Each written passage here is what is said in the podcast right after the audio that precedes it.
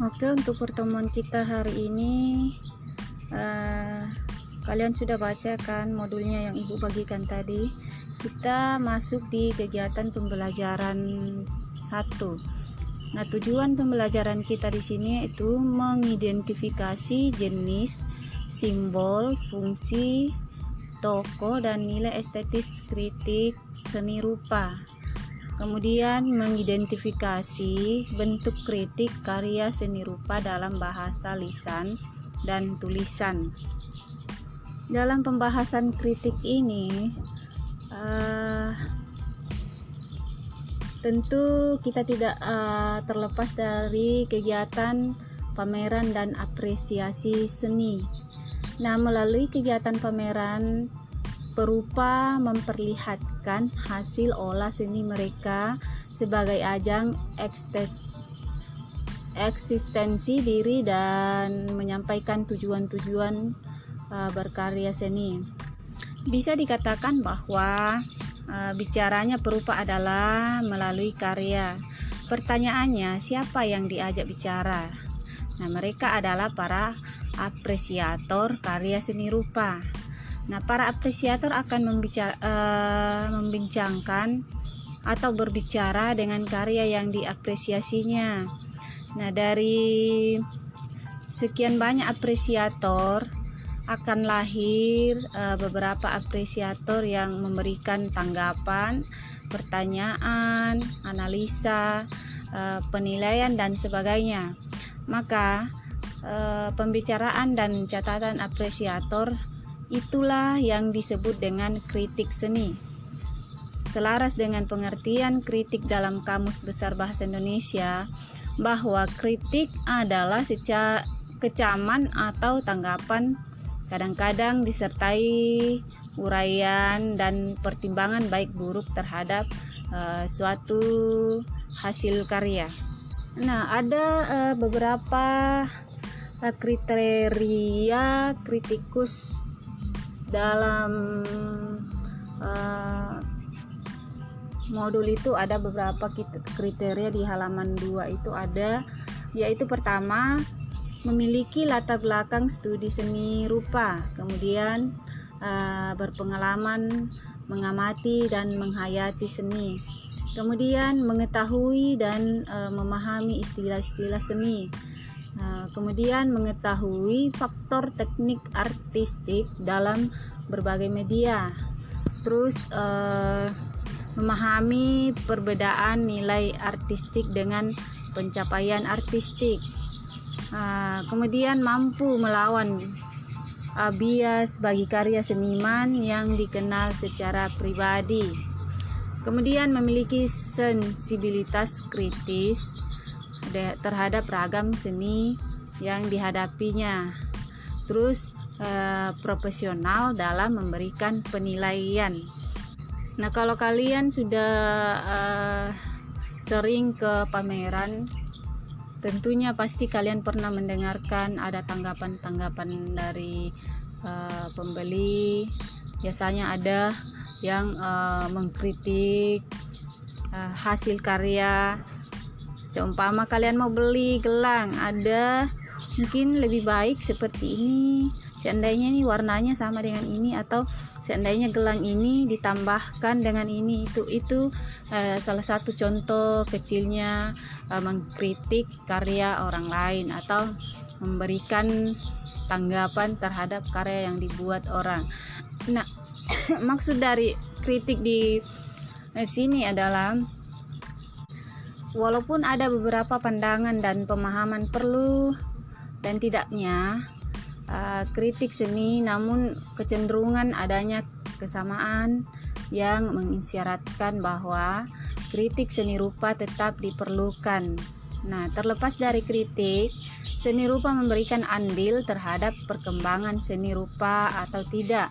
Nah, karena dalam hal ini kritik seni rupa tetap tidak dapat mempengaruhi dan merubah gaya karya seni seseorang.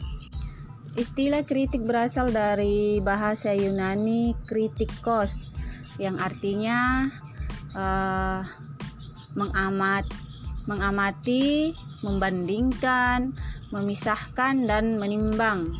Nah, dalam ensiklopedia of World Art disebut bahwa kritik seni adalah proses yang mengarah kepada penghakiman kualitatif atas karya seni dan hasil daripada proses itu. Nah, kritik seni adalah aktivitas pengkajian yang serius terhadap karya seni. Dari beberapa contoh definisi yang dikemukakan, uh, kiranya kalian dapat memahami salah satu atau memadukan satu sama lain yang dapat memberikan uh, suatu kesimpulan yang mudah dipahami, nah, serta sesuai dengan kapasitas pemahaman kalian. Dengan catatan, jika memiliki keinginan lebih berperan dalam membuat atau menulis kritik, maka harus berupaya menambah wawasan seni secara berkesinambungan. Nah, ada beberapa bentuk kritik seni rupa. Nah, pertama yaitu kritik secara lisan, yaitu kritik yang disampaikan secara lisan melalui diskusi atau seminar seni. Kemudian kritik karya seni secara tertulis yaitu pengkajian yang disampaikan melalui bentuk tulisan pada media massa, majalah dan lainnya. Nah, itu bentuk kritik. Kemudian jenis kritik. Nah, jenis kritik di sini ada uh, beberapa. Pertama yaitu kritik jurnalistik. Nah, ciri-ciri kritik jurnalistik itu bers seperti bersifat pemberi Pemberitaan berupa ulasan sekilas tulisan untuk para pembaca surat kabar kemudian tidak banyak menyita kolom pemberitaan kemudian waktu penulisan terbatas. Kemudian terkadang uh, terburu-buru mengambil keputusan. Itu uh, ciri-ciri kritik jurnalistik. Kemudian kritik pedagogik kalau kritik pedagogik itu ada Uh, ciri-cirinya seperti adanya acuan standar nilai yang dipergunakan, kemudian dilakukan uh, di lingkungan lembaga pendidikan, terus bersifat memberikan pendidikan, kemudian uh, memberikan keleluasaan berdiskusi, terus bersifat responsif. Uh, itu kritik pedagogik kemudian kritik ilmiah. Nah di sini uh, jenis kritik ilmiah uh, yang berkembang di universitas atau akademi seni kritik ilmiah adalah kritik yang dilakukan dengan metodologi penelitian ilmiah yang dapat dipertanggungjawabkan secara ilmiah dan estetik. Ciri-cirinya seperti memakai metodologi Uh, kemudian bersifat ilmiah atau hasil penelitian, kemudian berkembang di universitas, kemudian uh, dikembangkan oleh peneliti, terus netral dan adil dalam kebenaran, terus uh, hasilnya tidak bersifat mutlak. Nah, itu ciri-ciri kritik ilmiah. Kemudian kritik populer.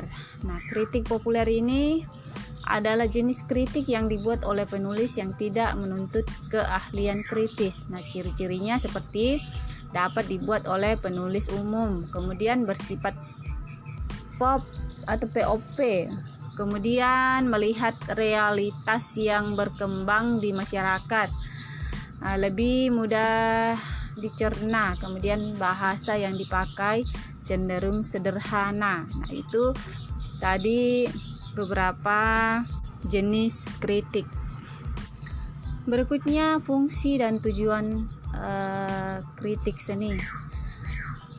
Fungsi kritik seni di sini uh, merupakan nilai guna yang dimiliki oleh kritik karya seni rupa yang ditujukan kepada seniman atau masyarakat pada umumnya.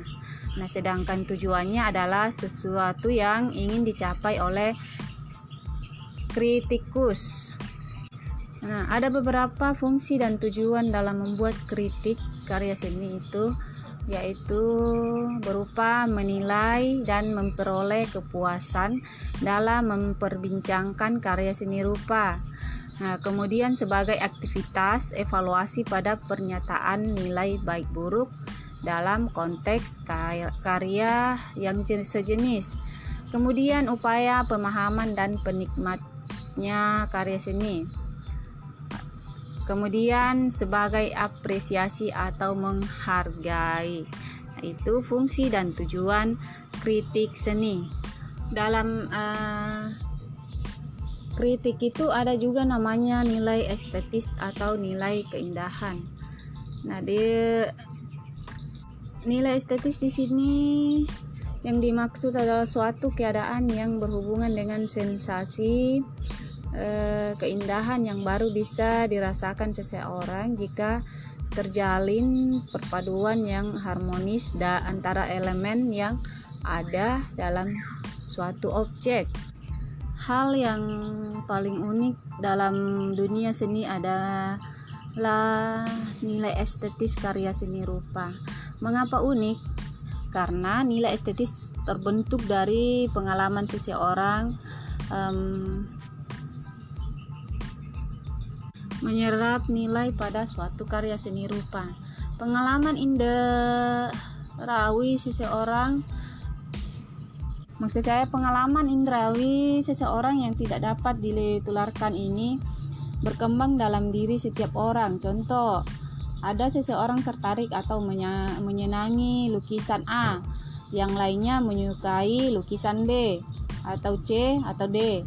Nah, sebagai sebagiannya uh, jika ditanyakan alasannya mengapa eh, masing-masing uh, berbeda, mereka akan bingung menjawabnya. Mengapa uh, mereka menyukai yang A, B, C? Maka itulah nilai estetisnya. Untuk membantu kalian memahami nilai estetis atau keindahan sebuah karya seni rupa, maka bisa saja memanfaatkan teori yang telah kalian pelajari yaitu tentang komposisi yang baik, perpaduan warna yang sesuai, penempatan objek yang membentuk kesatuan dan keselarasan dalam menata unsur-unsur visual.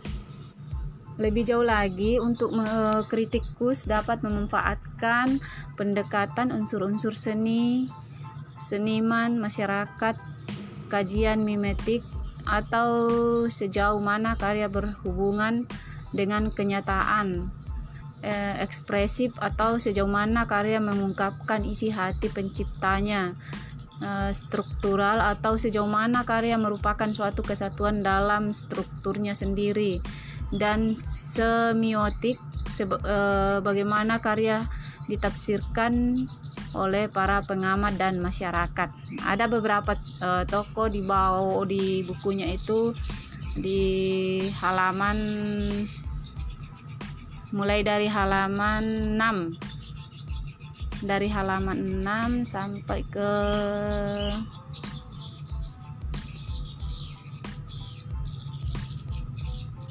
halaman 7 oh ada cuman dua toko ya.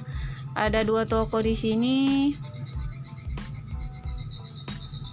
toko yang pertama yaitu Sudarmaji nah pada bahasan ini kalian akan diperkenalkan dengan beberapa toko kritikus uh, disebut toko karena yang bersangkutan aktif membuat tulisan-tulisan tentang seni rupa yang dipublikasikan kepada masyarakat umum melalui majalah, koran atau buku.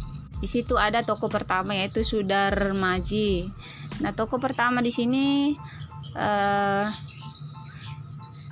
kritikus seni rupa Sudarmaji menempuh pendidikan di Akademik Seni Rupa Indonesia atau ASRI di Yogyakarta 1956 dan jurusan Seni Rupa IKIP Negeri Yogyakarta 1968. Selain kritikus, Sudarmaji juga pelukis, pendidik dan pernah menjabat sebagai kepala Museum Seni Rupa dan Keramik Pemda DKI Jakarta dan Ketua Dewan Kesenian Jakarta 1985 sampai 1990.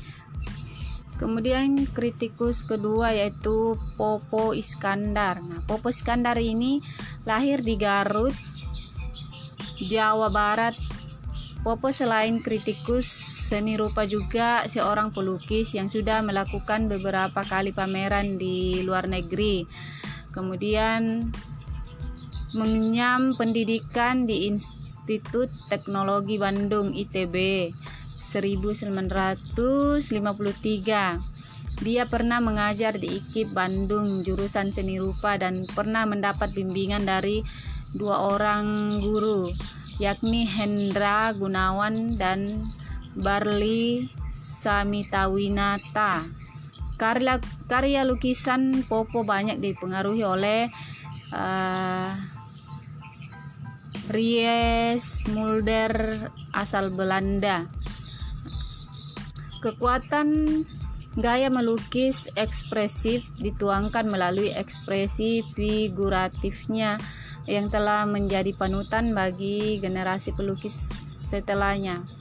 Popo gemar melukis kucing. Dia bahkan dapat julukan sebagai pelukis kucing. Selain sebagai pelukis kucing dan pendidik seni rupa, Popo Iskandar juga terkenal sebagai pemikir dan kritikus seni.